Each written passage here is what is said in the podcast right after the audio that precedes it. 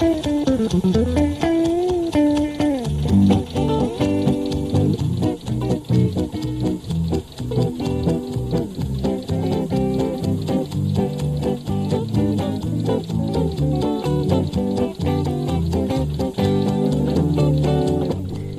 och välkommen till Traktorpodden. Det här är podden som bara handlar om veterantraktorer och det kan bli hur nördigt som helst.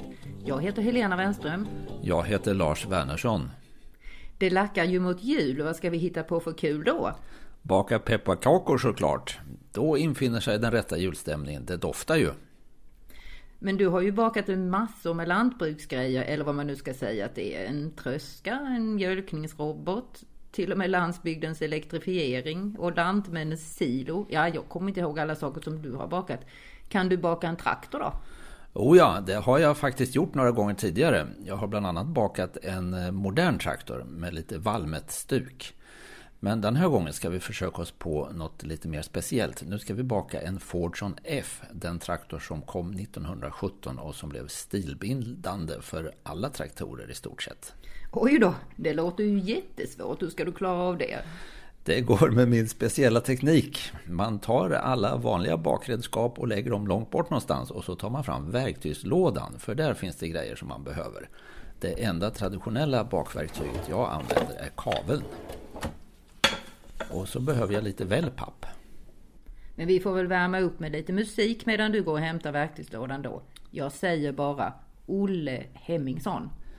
Ni hörde ju nyss signaturmelodin. Fantastisk jazzgitarr med traktorkomp. Och mannen bakom detta är just Olle Hemmingsson. Som vi har varit på besök hos i hans villa på Frösön med fantastisk utsikt över Storsjön. Och vi pratar om hans traktormusik som han har blivit viral på nätet med. Olle är 77 år och spelar fortfarande på olika evenemang. Han har numera mer gått över på folkmusik. Och han har också en bakgrund som bonde och skogsbrukare och, och inte minst uppfinnare. Hans röjsågsaggregat säljs i flera länder och han har bland annat ägt en riktigt ovanlig traktor. En BMC Par-traktor som han använde i skogen. Den gjordes av en skogsmaskinstillverkare, Hultins, i Malå i Västerbotten på uppdrag av en Nuffield återförsäljare. Traktorn hade två motorer och man styrde genom att ändra varvtalen på motorerna. De drev var sin sida. Men, men du, det var ju främst musiken vi skulle lyssna på nu, eller hur? Olle Hemmingsson tar fram sin kära Gibson Les Paul signatur från 1960-talet när vi sitter i hans vardagsrum. Här kommer en spontan liveversion av vår signaturmelodi.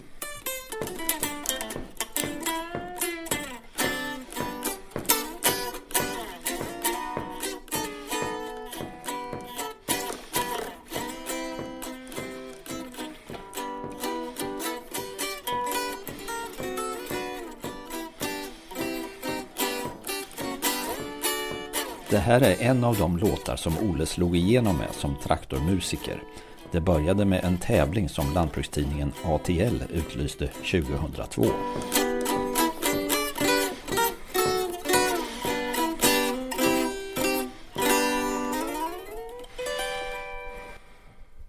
Ja, Olle Hemmingsson, vad är det vi hör för någonting här? Det var Lover Come Back To Me.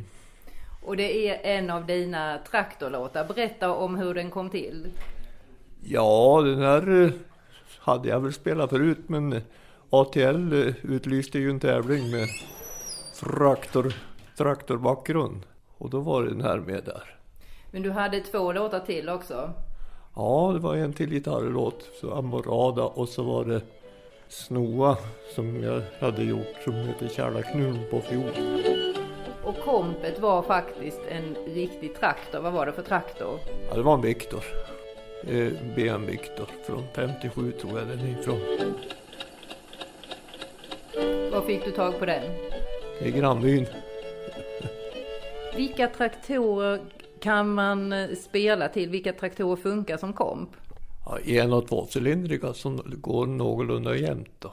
Det får inte vara alltför hårt tätt mellan slagen eller inte med min spelstil i alla fall. Och vilken typ av musik kan man ha traktorkomp till? Ja, det kan man med det mesta. Det är en del som spelar rock också. Och swing, snoa, polkett. Ja, det är det mesta. Du var ju först och har i väldigt många visningar på dina videor på Youtube, 8 miljoner tror jag. Men du har fått efterföljare också, det har blivit en liten genre av det här, eller hur? Ja, men det är kul. Det är kul. Det var ju inte bara en musiktävling som du vann utan du har ju fått, fick ju en hel del engagemang. Till exempel så uppträdde du hos eh, Aschberg på TV precis före jul 2002. Aschberg hade sett den här videon då. Eh, så då ringde de därifrån och frågade om jag ville komma ner kväll före julafton. Direktsändning, ja det är klart, det ville jag ju. Och i eh, programmet så hör man dig då spela eh, till Viktorn. Hade du alltså den här traktorn, grannens traktor med dig ända till Stockholm? Nej, jag hade ringt en kompis eh, utanför Uppsala som skulle komma med en, men det var ingen Viktor, det var Dodge. Jag tror den var tvåcylindrig. Men han var ju noga han, så han tvättspolade av traktorn kvällen innan så den hade frusit ihop. Så den kom inte till vi hade tid för ljudrepetition. Men som tur var så hade jag med en minidisk med traktorljud så vi gjorde ljudet med basisten då och minidisken och så fejkade jag på själva liveupptagningen. Men var det någonting känt att det gick till så här att det inte var den riktiga traktorn som man såg i tv? Eller det är något som du avslöjar här för oss nu? Ja, det är avslöjat nu. Och sen har du ju också framträtt på Allsång på Skansen för fyra år sedan. Ja, jag blev lika förvånad, förvånad när de ringde. För jag sjunger ju inte. Men de tyckte väl det var en kul grej. Så de ordnade dit en traktor som de gjorde ett podium bredvid scenen och för traktorn som höll. Så det var ju kul. Men då, den gången så var det en Viktor faktiskt? Det var en Viktor, ja. Han, han gick lite ojämnt faktiskt. men då blev det lite komplicerat att spela då? då? Ja, den bluddrade till men det gick ju det. Det var ju tomgångskörningsförbud i Stockholm. Så de var ju rädda för, för det där då, att det skulle bli ett jädra liv. Det blev bara en vers. De, sen, sen blev en annan låt då. Jag fick välja en låt som skulle sjungas med traktor. Det blev musik ska byggas utav glädje. Och då tog ju husbandet över traktorkompet och efter en stund. Det gick ju bra. Det var väl därför de körde så kort då, för att det var tomgångsförbud. Det var väl en minut eller två minuter de fick köra tror jag. Vilken är din bästa traktorlåt? Den här Lover Come Back To Me tycker jag om. Den som har gått mest på Youtube är Sweet Georgia Brown. Lover Come Back To Me, den gillar vi ju verkligen i podden. Vi är fantastiskt glada att vi får ha den här. Tack så hemskt mycket. Ja, det är hedersamt att ni använder den. Men du spelar också många fler instrument? Ja, jag fuskar på fiol, flöjt, trombon. Fiol är roligast. På gamla dagar så har jag börjat på att spela folkmusik och det är jättekul. Jag började faktiskt i ett popband på 60-talet. Så jag var med en popbandstävling som vi vann Norrland. Så vi var med i finalen på TV. Men där kom vi trea. Men sen blev det dansmusik. Jag har ju varit bonde så var ett sätt att finansiera jordbruket också. Eh, vad gillar du mer att spela? Vad är det för du, något du har spelat sen förutom folkmusik? Jazz, swing gillar jag. Och hela din familj är en väldigt musikalisk familj? Ja då. Jag har pappa har spelat på sin tid och jag har ju två syskon som spelar, Merit och Jan. Du kallar dig ju för musikant och innovatör. Alltså du sysslar både med musik och uppfinningar. Finns det några likheter mellan de här båda grenarna i ditt yrkesliv? Jo, men det gör det väl. Man är väl kreativ kanske. Och så måste man vara tjurig, envis. Ska man lära sig nya instrument måste man vara envis här, men om man har lätt för sig, det gör sig inte själv. Och ska man göra, uppfinnare så måste man vara envis, man åker på mycket smällar. Vilken är din bästa eller mest framgångsrika uppfinning? Ja, det är den röjaggregatet, röjarskivan, som heter Bracke C16 nu då. Men först så kallade du den alltså för röjarskivan? Ja, inte så seriöst men det var roligt. Men den har då sålt i ganska stor upplaga och finns i flera länder? Ja, det finns i många länder. Och det är inte bara röjarskivan som Olle har hittat på. Han har två andra patent också, nämligen ett frösåddsaggregat och markberedaren Inversal. Och så hörde ni att han nämnde sin syster Merit Hemmingsson också. Ni som var med på 70-talet minns ju att Merit var storstjärna med sin folkmusik i poparrangemang. Men nu är det dags för pepparkaksbaket. Vi måste sätta igång med det annars så hinner vi väl inte. Har du verktygslådan Lars? Jag är på väg, jag hämtar den. Lyssna lite mer på Olle så länge.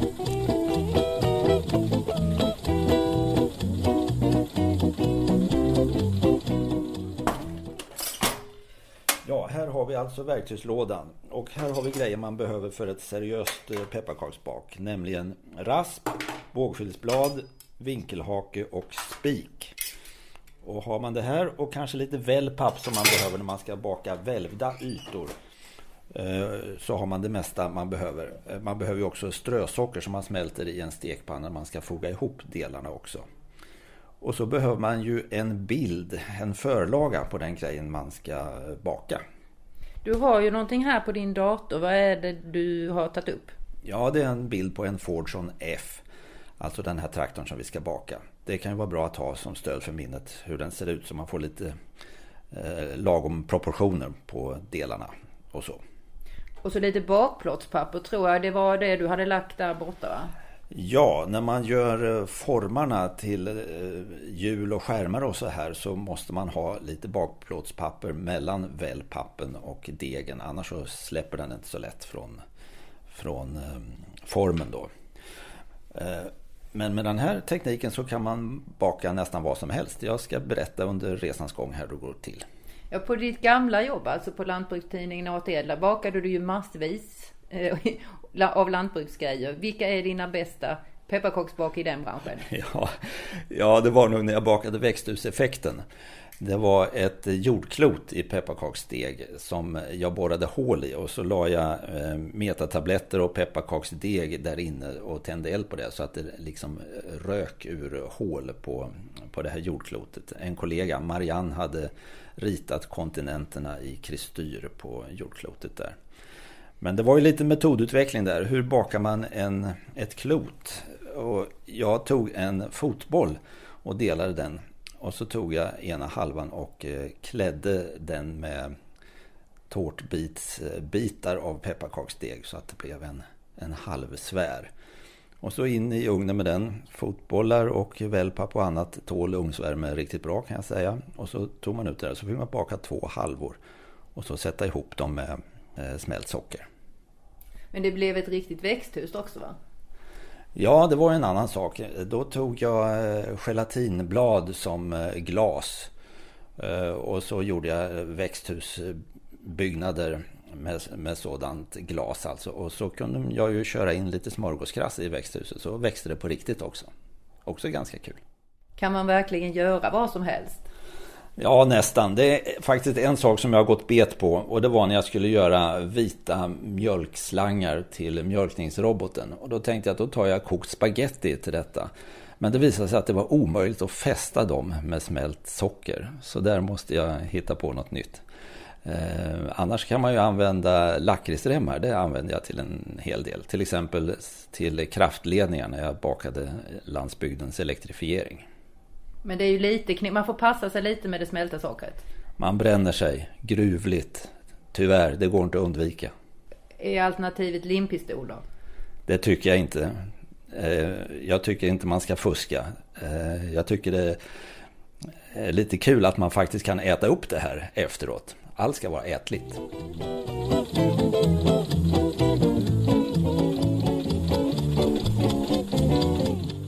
Börja börjar med att eh, mjöla bakbordet och ta fram pepparkaksdegen. Jag använder helt enkelt vanlig färdig deg som jag köper i butiken. Och så kavlar jag ut det.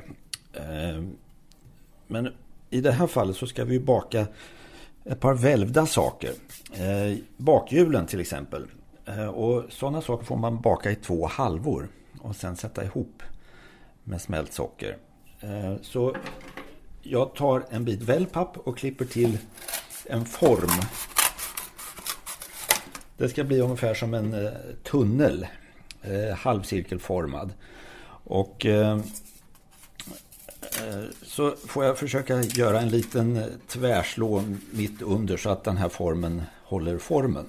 Och sen kan man alltså lägga bakplåtspapper över och degremsorna. Så jag kavlar ut en bit deg Eh, och eh, så jag får ja, en lagom stor bit som jag kan, lagom tjock också ska jag säga. Det är alltid enklare om man gör allting ungefär jämntjockt för att då blir det lättare att grädda lagom länge och eh, eh degen blir inte så bubblig. Man kan, eh, ett tips är att man eh, kan arbeta med flera plåtar så att den man inte använder för tillfället kan svalna. För att det degen har lätt för att bubbla sig om man lägger på en ny deg på en varm plåt så att säga. Här är lite bakprodukspapper som ja, du ska ha på. Ja, det lägger vi över själva formen. Och så kan man skära ut, hoppla, skära så. ut en bit av den här degen. Eh, och lägga på. Över formen. Mm. Drapera den lite. Ska jag öppna ugnen åt dig här så du, mm.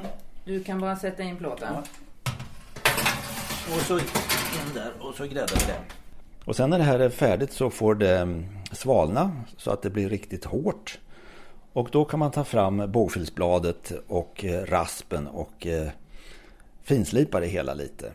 Och man gör helt enkelt fyra fälgbanor, hjulhalvor. Och så, så småningom så sätter man ihop det. Sen får man eh, göra små ekrar också på samma sätt. Man gräddar ett stort sjok med pepparkaksdeg i ugnen. Eh, tar ut, låter svalna och sen sågar man ut eh, julekrarna. Och det sätter man också ihop så småningom med smält socker. Motorhuven på en Fordson F är ju lite speciell. Den ser ju ut som ett tillplattat rör kan man säga. Och då får man göra en annan form Ehm, som är eh, ja, en halv ellips. Ja, nu sågar jag lite i pepparkaksdegen här med bågfilsbladet.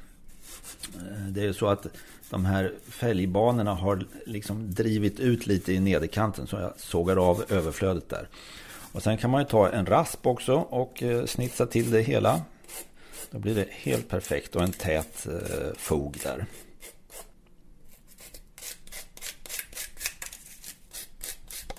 Så. Ja, nu, nu blev det inte riktigt bra här ser jag. De här huvhalvorna. Tusan också. Jag slarvade nog med formen. De, de blev inte riktigt eh, lika breda. Ja, ja, jag får försöka eh, raspa det jämnt och dölja med kristyr så småningom. Men ja, riktigt bra blev det inte. Mm.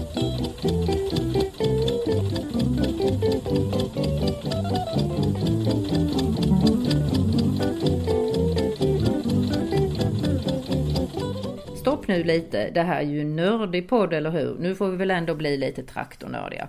Lars, varför heter traktorn Fordson och inte Ford? Det var väl ändå Henry Ford som gjorde den? Det var det. Och Henry Ford funderade länge på hur traktorn skulle se ut. Så länge att en annan traktorfabrikant faktiskt hann före och tog namnet Ford. Det var en skrupelfri man i Minneapolis som ville snylta på Henry Fords namn. Han hade ju gjort succé med T-Forden. Han hoppades att Henry skulle betala royalty för att få använda sitt eget namn på traktorerna, men det gjorde han inte. Och den här första Ford-traktorn var för övrigt inte bra. Den såg ut som en stor jordfräs och blev inte långlivad. Men Henry Ford hade inte fått sin styrelse med sig på traktortillverkningen. Eh, så han bildade ett separat bolag med sin son Edsel. Det blev företaget Ford och Son. Och sen finns det en skröna om att det var för svårt att telegrafera hela företagsnamnet. Så det drogs ihop till Fordson och det tyckte Henry var okej. Okay. Du har ju sagt banbrytande om den här traktorn. Vad var det för speciellt med den? Ja, vid den här tiden så kunde ju en traktor se ut lite hur som helst.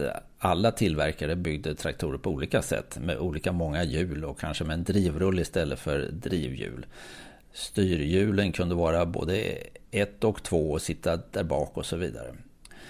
Henry Ford lät sina konstruktörer tänka länge så att resultatet garanterat skulle bli bra och framförallt lätt att serietillverka i stora mängder.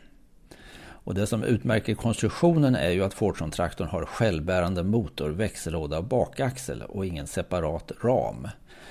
Ford omgav sig med ungerskättade konstruktörer och Eugen Farkas var en av dem och det var väl han som hade huvudansvaret för konstruktionen. Han hade sett en traktor som hette Wallis och som hade motorn i en sorts gjutjärnsbalja.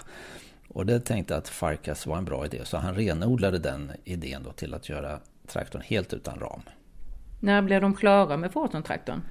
I slutet av 1917. Eh, och de första 6000 traktorerna skeppades direkt till England. För första världskriget rasade ju och livsmedelsförsörjningen i England var ansträngd. Men redan året efter, 1918, så såldes traktorn till civila kunder och den var en omedelbar succé. Den var mycket billigare än konkurrenterna och den fungerade också.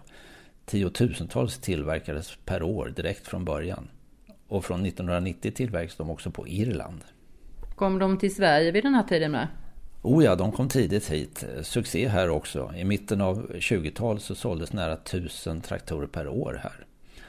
Och inte bara här, Ford som var en succé över hela världen. Eh, traktorn exporterades till exempel till Sovjetunionen och licenstillverkades där också under namnet Putilovets. Blev den långlivad? Alltså hur länge levde Fordson-traktorn? Väldigt länge. Eh, men den genomlevde också en och annan kris, till exempel i början på 20-talet när det var sån lågkonjunktur att konkurrenterna slogs ut. Men de stora som IH och John Deere överlevde ju och de utvecklade nyare modeller. Henry Ford ville ju inte ändra sin slimmade produktion. Han trodde stenhårt på att bara man tillverkade ännu effektivare och pressade priserna ännu mer så skulle det ordna sig. Men det gjorde väl inte riktigt utan det, det, det kom ju starka konkurrenter. Och marknaden sviktade för Ford som först i USA. Och där lades tillverkningen ner 1928. I Europa så levde den kvar och eh, traktorn tillverkades så småningom i Dagenham i England i en lite förbättrad version, version från 1929. Fordson N. Den som i efterhand eh, har börjat kallas för Låglund. Och under andra världskriget så fick eh, den här traktorn ett uppsving och tillverkas åter i jättestora antal. Men sen kom freden 1945 och därmed också efterföljaren Fordson E27N Major, alltså Fordson Höglund. Eh, inklusive en som tillverkades Fordson F i nästan en miljon exemplar. Och modellen bidrog till att det väldiga experimenterandet med hur en traktor skulle se ut tonade bort. Ford och Farkas visste hur en traktor skulle se ut redan 1917 alltså. Än idag byggs traktorer så här. Plus hytt, hydraulsystem och drivning. Också på framhjulen. Sen har man en modern traktor. Ska du ta och avslöja din egen favorittraktor? Det är Fordson Major, fast den modellen som introducerades 1952, Höglundens efterträdare. Den modellen fanns ju fram till och med 1964 och var den som avslutade Fordson-namnet. När de modellerna fick efterföljare så hette traktorerna bara Ford. Det var den så kallade 1000-serien som toppade med Ford 5000.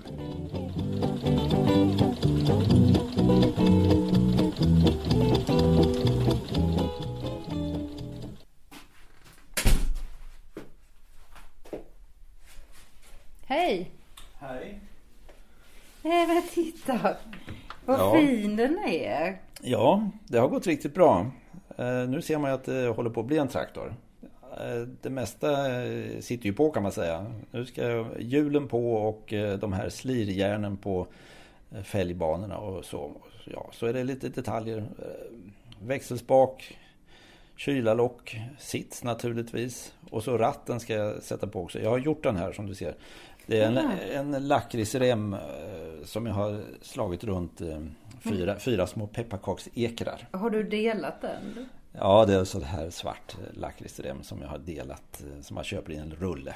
Men du den ser ju helt imponerande ut. Den ser faktiskt ut på helt rätt proportioner. Ja, mer av en slump så har det blivit ungefär skala 1 till 10 eller 1 till 9,5 kanske.